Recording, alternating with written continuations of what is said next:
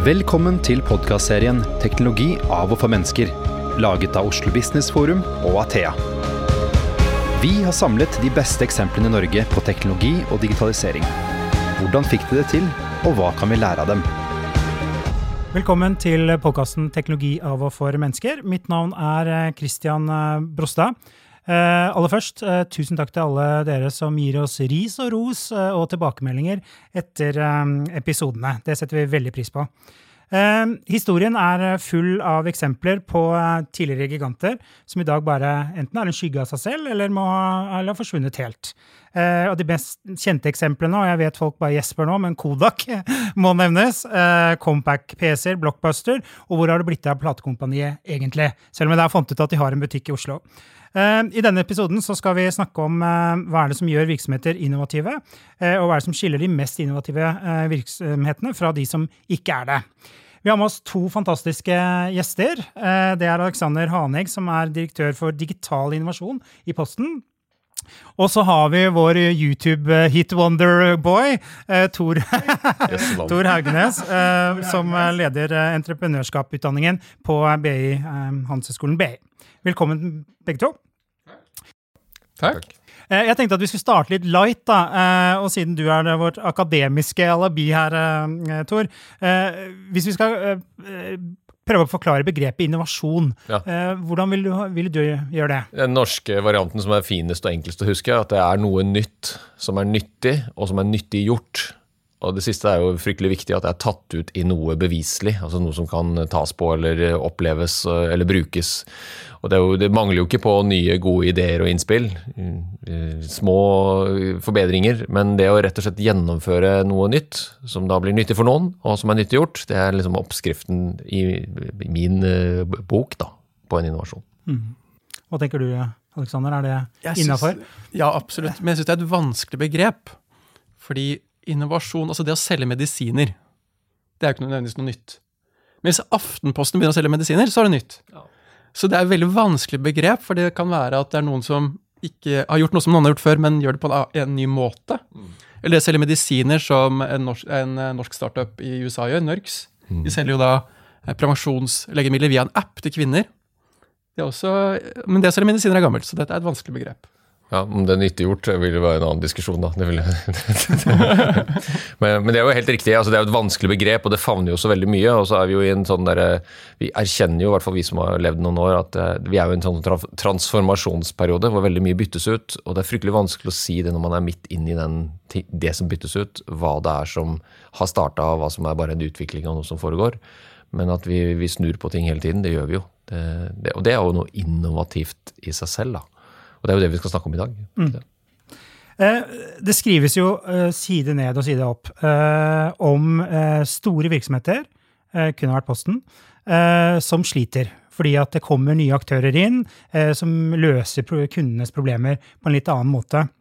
Eh, hvorfor er det sånn at eh, Se på deg, Tor. eh, At eh, vi har et inntrykk av at de store virksomhetene sliter, at det er liksom de små, lettbeinte virksomhetene som fikser det, og som er fremtiden. Ja, det, forskningen er jo entydig det at store bedrifter har jo en tendens til å bli litt mer byråkratiske. Du får en del kontrollinstanser, og du blir, du blir mer opptatt av at det skal være lik kvalitet og en viss sånn standard, mens mindre bedrifter har jo lettere for å agere på hendelser utenfra. Da. Og Det trenger ikke være store eksterne dramatiske sjokk, men det kan være mindre endringer som mindre organisasjoner naturlig nok lettere forholder seg til da, enn store organisasjoner. Så er det en annen stor sånn trend, er at store organisasjoner må også orientere seg mye mer internasjonalt. Og det blir de jo ikke akkurat mer fleksible og dynamiske av. Og når endringene kommer på så fryktelig mange, ja, det flater, da, så, så setter det store krav til organisasjonene, altså de som er ansatt i organisasjonene. Så det, det, det foregår egentlig på så mange plan du kan tenke deg ut fra sånn organisasjonsperspektiv, at det er bare rett og slett kjempespennende, men lett forståelig. Store bedrifter, mange ansatte, blir lettere byråkratiske enn mindre bedrifter. Og dere i Posten har jo eh, tatt noen grep. Eh, den avdelingen du leder, eh, når ble den etablert? Det er nå to år siden. Ja. Så vi er 22 stykker som jobber med innovasjon på tvers av hele konsernet, hele Posten og Bring.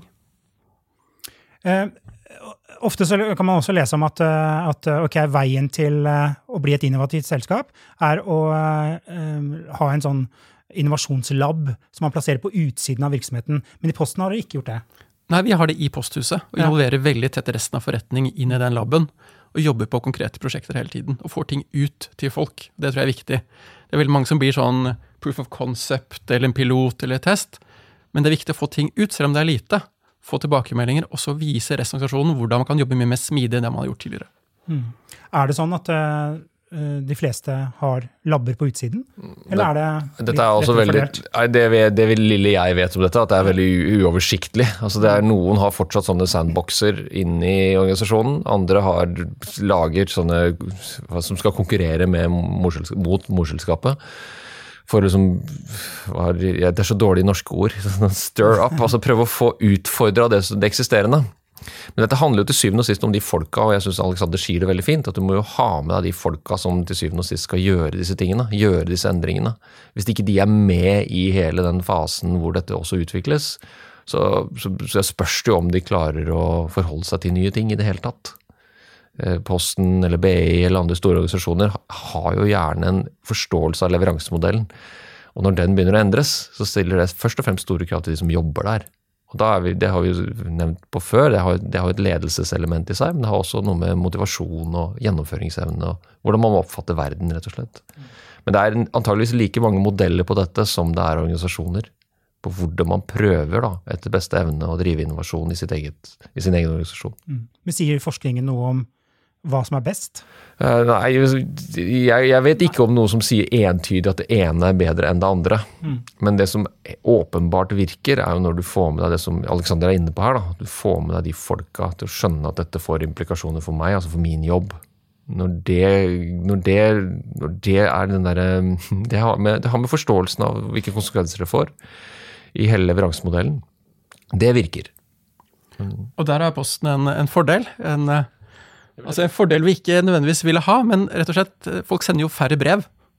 Og det har de gjort nå i 20 år, så vi måtte jo omstille oss. og har omstilt oss veldig kraftig de siste 20 årene. Så vi har en kultur for omstilling, og folk er vant til å endre hvordan de jobber og komme på nye løsninger. Så det har vi egentlig blitt tvunget til å innovere nå i 20 år, akkurat sånn som mediebransjen også ble tvunget til det for 20 år siden. Og interessant er at vi ser at det treffer jo forskjellige bransjer på forskjellige tidspunkt. F.eks. retail-bransjen nå sliter. Vi ser jo det med butikkdød i enkelte områder. eh, Og økt konkurranse ved netthandel. eh, Så det treffer flere og flere bransjer. Ja, og utdanning også, og, og egentlig leveranse på tjenestenivå blir helt åpenbart en sånn konkurransefaktor som det er ikke gitt at du klarer å overleve bare ved å legge på litt mer service, hvis kunden plutselig ikke lenger vil ha produktet du opprinnelig ja, leverte. da. Så Posten-eksempelet er jo veldig spennende. Dere gjør jo mange spennende ting på forskjellige nivåer. Men dere har jo samtidig manglende konkurranse, da, Alexander. Det må jeg jo skynde til å si fra siden her. Ja, jeg tror ikke det er så mange som har lyst til å konkurrere med oss med å gå med brev. Det er en voksende bransje, så det, det stemmer. Men det Posten gjorde, var jo å gå inn i logistikkbransjen. Kjøpe opp mange norske selskaper. Gå inn i Sverige, gå inn i Danmark og Finland, blant annet. Og gå inn i logistikk, som ikke var stor på før. Så alt, alt frakte ting til oljeservice, medisiner for Forsvaret, eh, sykkelbud. Vi gjør veldig mye mer enn det vi gjorde før. Og der har vi hatt veksten vår. Og der er det veldig sterk konkurranse. Fra PostNord, DHL, Schenker osv. Så så et B2B-marked, egentlig. Ja, et stort B2B-marked. Men også på pakker. Mm. jeg har lest at dere eh, kaller dere Posten er en 370 år gammel startup. Ja. Det er eh, hva, hva legger du i det? Jeg skjønner hva startup er, men eh, er det sant? Det er vel litt flossete sagt, men det er jo litt den tanken vi må ha. Altså, Vi har 372 år er det blitt nå, med historie. Og Posten, hvis du går tilbake i historien og leser, så er det veldig interessant, for det har vært veldig innovativt alltid. Blant annet de første to dampskipene i Norge var det ingen private som turte å kjøpe, for det var uprøvd teknologi. Men det kjøpte Posten. Fordi de så da kunne vi levere brev uavhengig om det var vind eller ikke. Og tilsvarende første flygningen var vi med på i Norge. Første jernbanestrekningen. Så Posten har vært innovativt alltid, fordi det har vært gjennom i så mange år måtte omstille seg. Eh, og så må vi omstille oss enda mer de neste årene som kommer nå. For det kommer enda mer, og vi må finne hva Posten og Bring skal være i, for folk flest i framtiden. Og alle eier jo en bit av Posten. Vi er jo eid av staten, og vi har samfunnsoppdrag også. Eh, For meg er da startup en måte å tenke på, eh, først og fremst. da. Eh, og du jobber jo med entreprenørskap og osv., Tor. Eh, hva, hva er det som kjennetegner eh, startup? Hvordan kan du fylle Alexander her med noe innhold? Nei, det tror jeg klarer helt fint sjøl, faktisk. Nei, altså det, det, handler jo igjen det jeg prøvde å si noe om helt innledningsvis. altså De som klarer å gjennomføre ideene sine. Og klarer liksom å vise ikke, ikke det, forslitte begrepet proof of concept. altså Du må få noen som, som, betaler for tjenesten din, eller bruker tjenesten din eller produktet ditt så fort som mulig.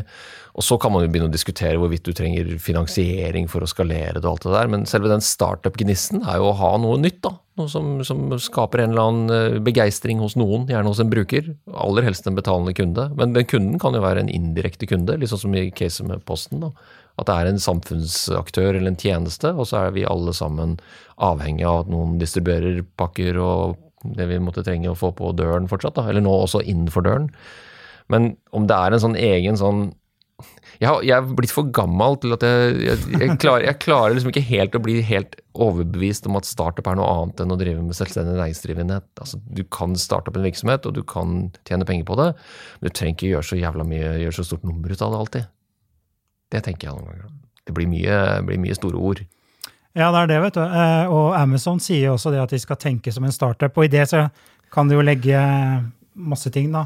Riste på hodet. ja, det, ja de, de, er jo et fantastisk interessant case. Det er jo først nå de senere årene de har begynt å tjene penger. Det har jo vært investorfundet hele tiden. Verdens største database, egentlig, som, som klipper sammen kundedataer til en innsikt, som jo blir en blir jo, det, det, er jo benchmarken for veldig mange nettbutikker.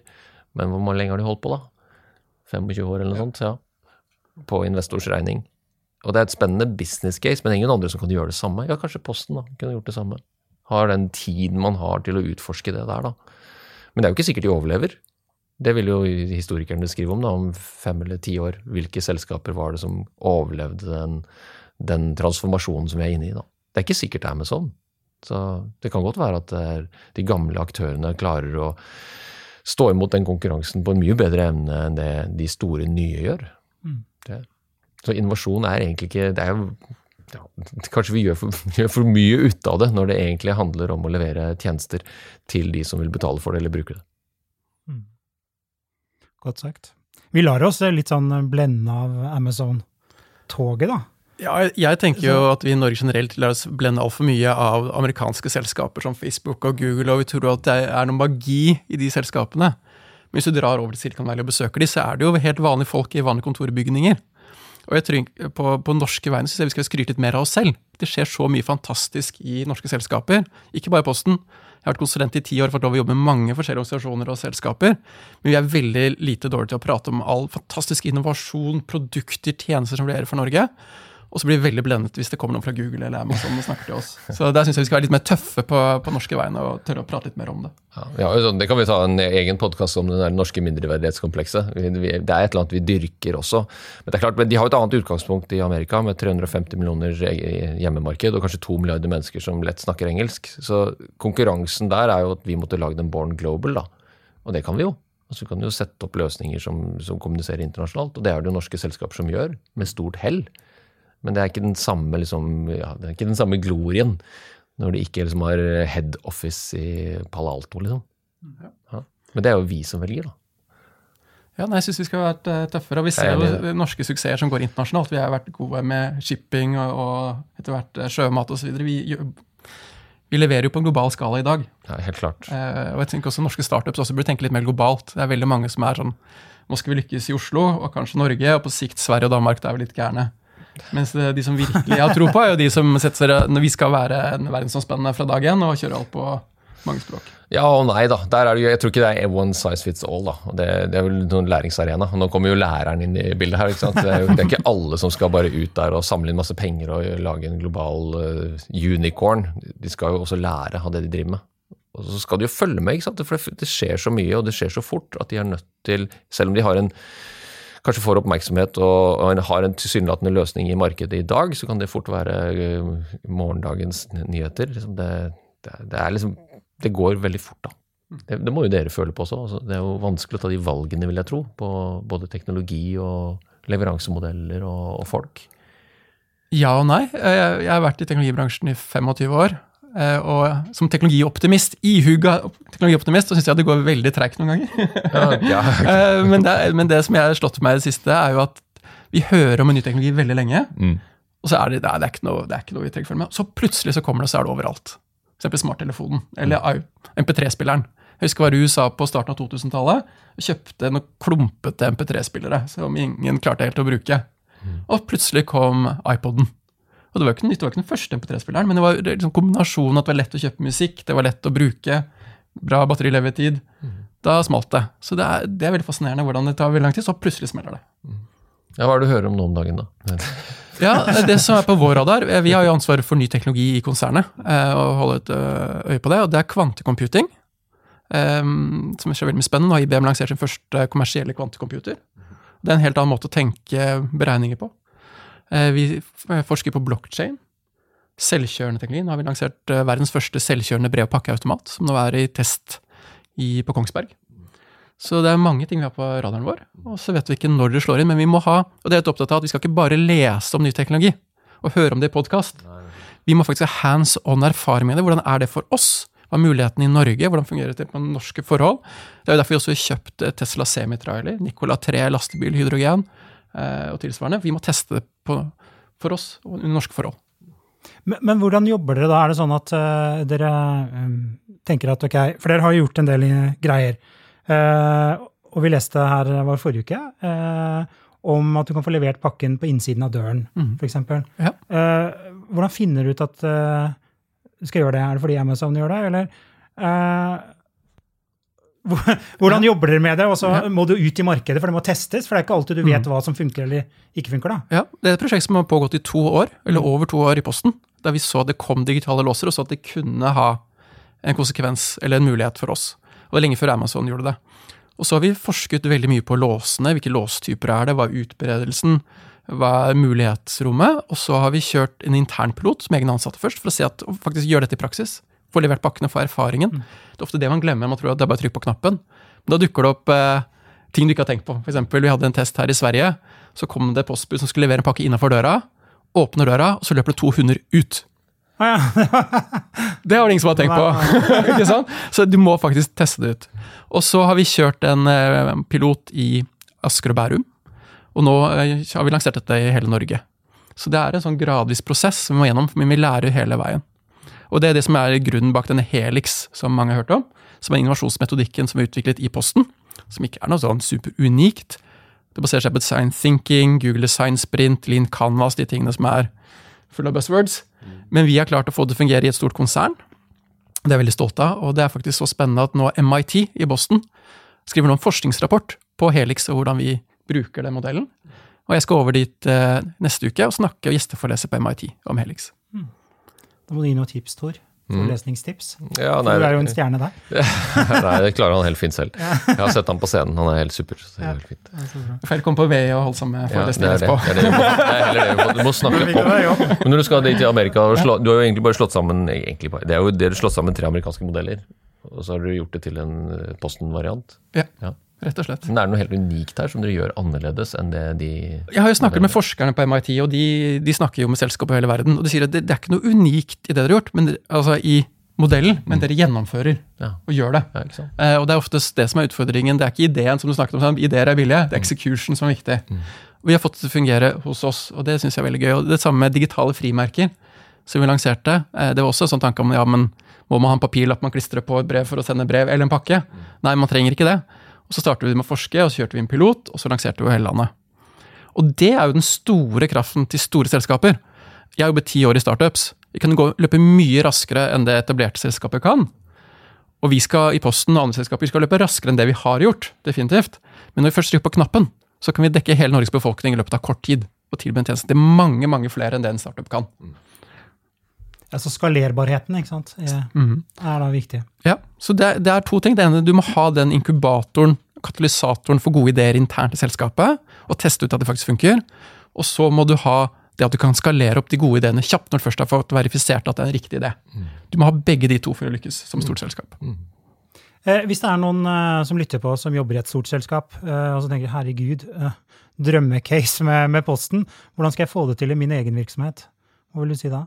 Altså, vi er jo eid av det norske folk, eh, og vi er, er veldig åpne. eh, og deler alt, inkludert Helix-metodikken. Vi holder foredrag om det. og Vi har en innovasjonslab der vi får besøk fra alt fra skatteetaten og Nav til norske selskaper.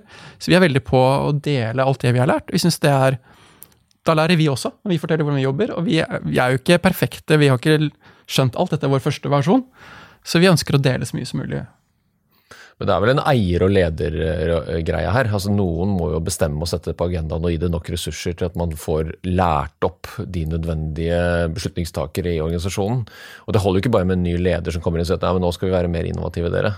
Alle tar en liten strekk til venstre når de før tok til høyre. Det er jo mer enn det, ikke sant? Ja, det er en utrolig viktig ledelseskomponent. Og grunnen til at min avdeling finnes, er jo vi fikk en ny konsernsjef som heter Tone Ville, som har veldig fokus på innovasjon og digitalisering. Opprette den enheten. Og vi er jo ikke, Det er ikke sånn at all innovasjon skjer i våre nett. Tvert imot, vi er en katalysator på resten av konsernet. Så vi får innovasjonen til å skje. En utfordring er jo at når man er operativ i et selskap, så man vil fokus på det som brenner, og det som er viktig nå. Men så må man likevel sette av tid til å tenke på hva som kommer. Og der er vi en katalysatoren.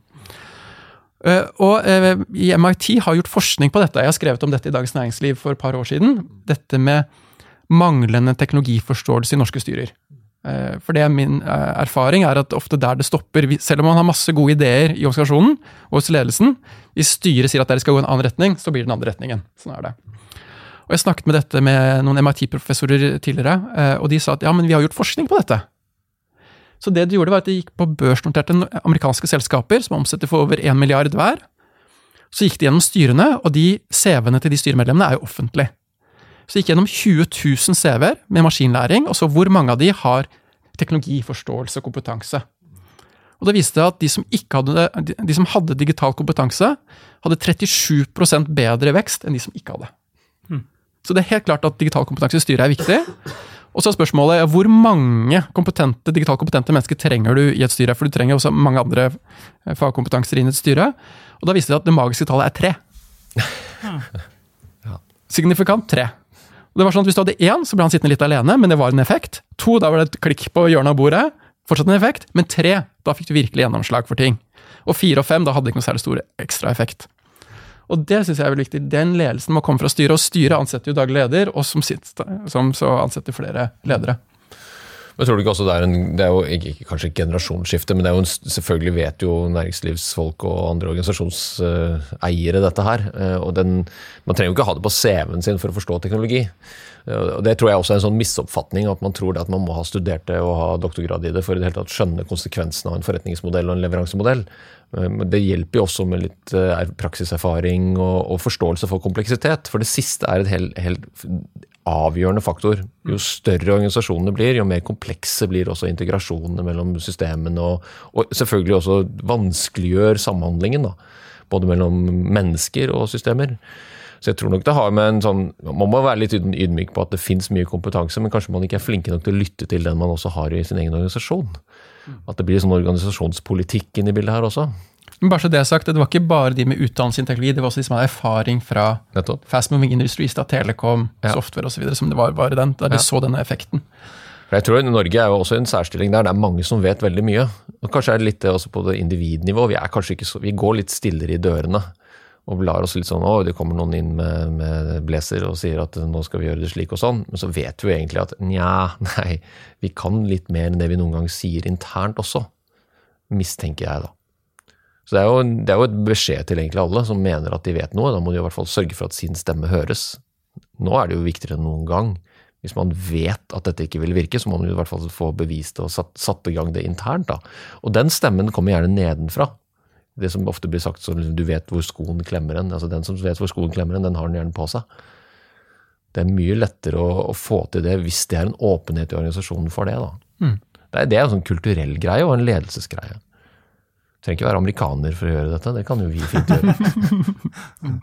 Hvordan er det eh, dere får ideer, nye ideer da, Alexander? Eh, er det noe bottom up, eller sitter dere i, det, du Det kommer fra alle kanter, og jeg blir så glad ja. når jeg ser engasjement hos Altså, vi er jo 15 000 ansatte. Alt fra postbudet, de som jobber i lager, eh, terminal, eh, administrasjon, økonomi, alt. Og de ideene kommer fra overalt. Tidligere i, i VG, han Tori Pedersen, sa jo det, du må være klar for den riktige ideen fra feil personer. Og det har jeg veldig tro på. Og jeg var på vår terminal på Alnabru, Og da kommer det en budbilsjåfør bort til meg og sier du, vet du hva, jeg har en kjempegod idé. Det må jeg vise deg. Og da hadde han lagd en YouTube-film om hvordan vi gjør en prosess med å planlegge ruter og sånn i dag. Og så viste det at han hadde tatt en bachelor i spillprogrammering på si ved siden av jobben. Og viste hvordan vi teknologisk kunne gjøre dette mye, mye bedre. Og han brant så for det at han tok tak i meg når jeg gikk tilfeldigvis gjennom den terminalen. Ah, Og det har blitt en eh, idé vi har tatt videre inn i, i, i posten. Så det syns jeg er utrolig gøy. Og så man må være veldig klar for gode ideer. var litt det du også sa, Tor. Det er masse gode ideer, særlig nære kundene og nære produksjonen i norske selskaper. Så det må man lytte til. Ja, og det tror jeg har vært vår hemmelighet alltid. Altså, vi, har jo, vi har jo tradisjonelt ikke hatt så veldig store selskaper, og det har vært korte avstander og litt mer sånn jovial innstilling til de der eh, nivåene. Men nå har jeg vært i arbeidslivet i snart 30 år, da, 25 år, og jeg ser jo at det er økende hva kalle det da, er byråkratisering og kvalitetskontrollindikatorer på veldig mange nivåer, som nok ikke nødvendigvis fremmer innovativt samarbeid. Så, men det er jo bare en, det kan vi ta på siden i en annen setting. setting. En annen podkast. I en annen Det blir mange episoder etter hvert. Uh, eh, Tor, du har skrevet litt om uh, å, eh, osv. for å lykkes. Og du ser jo eh, En sånn trend som du kan se, er jo at de store selskapene kjøper opp startuper. Eh, altså de kjøper opp kompetanse, Ja. eh, teknologi. Er det veien å gå? Det kommer jo hvilken hatt du tar på nå, da. For at du kan jo ta det fra den startupen som blir kjøpt opp av en stor fisk og blir lagt ned etterpå for at de hadde så bra teknologi at, eh, at det kom aldri til å fungere. Det, det finnes jo noen sånne eksempler. Men det er klart det er jo et læringselement her. Store selskaper kan definitivt lære av små, som vi snakket om, og de kan ha mye større innflytelse, for de kan, de kan spre det, sånn som du snakket om.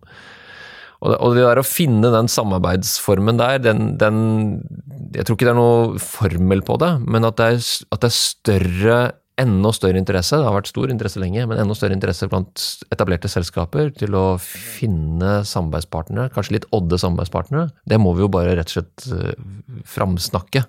For det er jo der også litt originale ideer kan oppstå. Litt det du sier, ikke sant? at det kan komme fra litt uventet hold. Til og med velmenende og velbegrunnet kritikk om hvordan en stor aktør gjør det i dag, trenger nødvendigvis at de sitter med den løsningen sjøl, men den kan komme ved å være i kontakt med noen som ser verden litt annerledes. Gjerne noen utfordrere.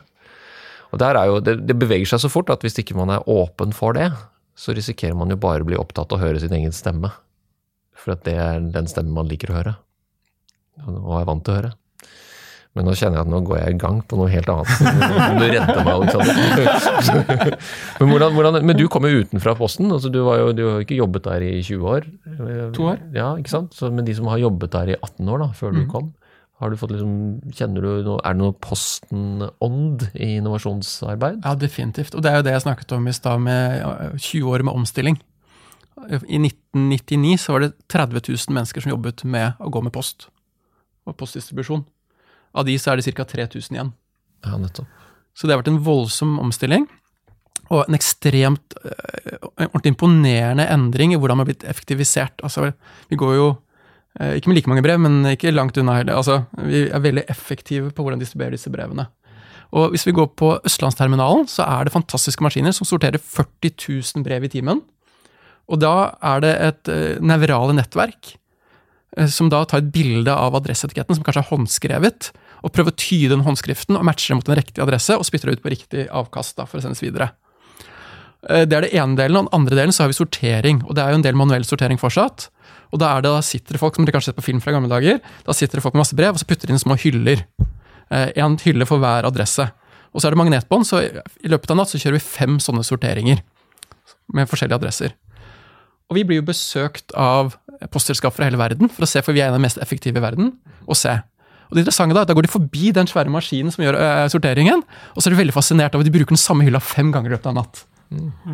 Så det er litt sånn øh, mind-blowing.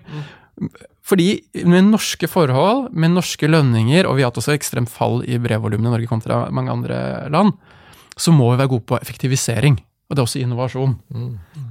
Og det tror jeg Norge er i særklasse gode i verden, men vi er kanskje blitt for gode på det, hvis vi skal ta diskusjonen. Det vi kanskje ikke er så gode på, er den radikale innovasjonen. Nye forretningsmodeller. Ta nye markeder. Så der tror jeg vi skal bli enda bedre. Og bruke all den der gode kraften vi har på å være gode på å effektivisere, til å radikalt innovere. Eh, vi nærmer oss eh, slutten. Det er to ting eh, igjen. Eh, det ene er eh, hvis dere kunne velge fra øverste hylle eh, Jeg vet dette kan være utfordrende. Eh, hvem er den mest innovative virksomheten som dere kjenner, og som dere ser litt opp til, eller Hvem vil starte? Snakker vi Norge, eller snakker vi Ja, vi internasjonalt? Kan, her kan man velge kan hva velge som helst. Ja. Og hvorfor, da? Og hvorfor òg? Det er fryktelig vanskelig, fordi ofte så ser man et glansbilde av et selskap. Mm. Eh, og så besøker man det, eller kjenner noen som jobber der, så er det ikke, ikke så fancy. Men jeg vil si at jeg er imponert over Vips, hva de har fått til. Eh, I en bransje som eh, også som er- er utsatt for radikal innovasjon. Fra Nå skal jo nesten alle bli bank og betalingsselskaper. Så de har fått veldig mye på veldig kort tid, eh, og blitt et verb. Så det er imponerende i norsk sammenheng. Jeg, jeg syns det var et veldig vanskelig spørsmål, for jeg får så utrolig mange rare tanker. Jeg tror De som, de som, prøver, ja, de som, ja, de som prøver å utfordre en sånn distribusjonsmodellogikk, men også forbrukslogikk, har jeg veldig sansen for. De som prøver å se på prøve å få ned liksom det totale fotavtrykket vårt, som jo er en sånn pinlig greie som vi liker å snakke om. Og Der er det jo både startups og store etablerte selskaper som ser på om vi heller kan leie av hverandre istedenfor å bare eie ting vi ikke bruker. Og Der har jo nå store aktører, sånn bil, bilprodusenter og andre, hevet seg på for å se på delingsplattformer.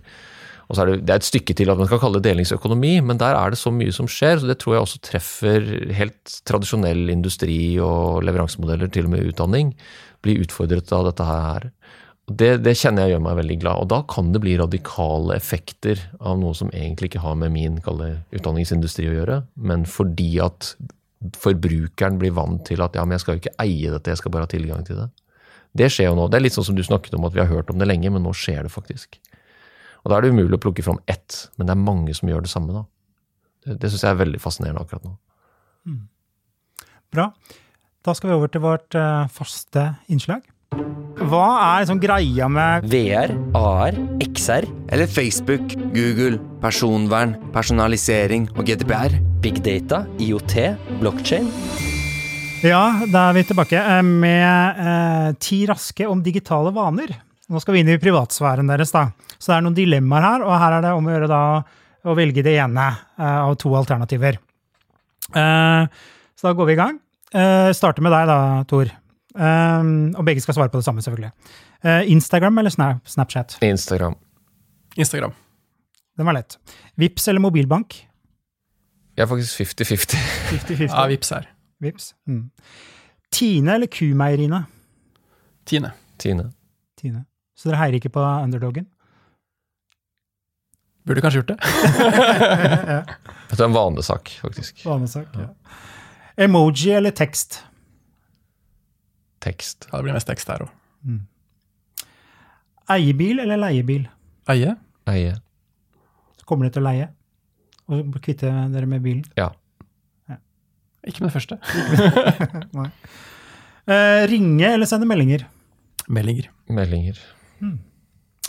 Lineær-TV eller streaming? Streaming. Lineær TV. Ser du noe streaming?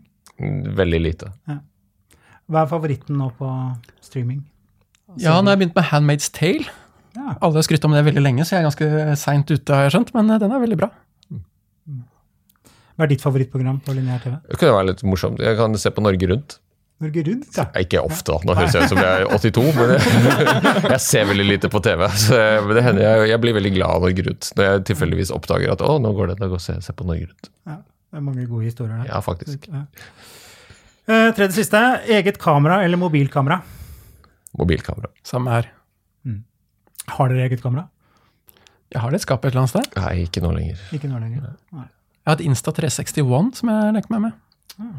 360-bilder. Tøft. Radio eller podkast? Podkast. Podkast. Og den siste. Eh, nyeste mobil eller bytte når den ikke funker lenger? det ble helt Det er stille. nyeste Nyeste. Ja, jeg, jeg hørte om det i dag morges, så jeg tror faktisk bytte for meg nå. Jeg skal prøve å være bevisst dette her. Så jeg skal bytte den inn. Jeg har jo femårsgaranti, har jeg hørt i dag. Og På den er- mobil? Ja. Alle har femårsgaranti, så du kan be om eh, ny av den samme modellen. Da lærte vi andre noe også. Alexander Thor, eh, tusen takk for at dere kunne komme, og tusen takk til deg som lyttet på. Du har nå lyttet til podkasten 'Teknologi av og for mennesker', laget av Athea og Oslo Business Forum. Følg oss i sosiale medier og på nettsiden vår athea.no. slash podcast. Vi setter utrolig stor pris på om du gir podkasten en vurdering i iTunes.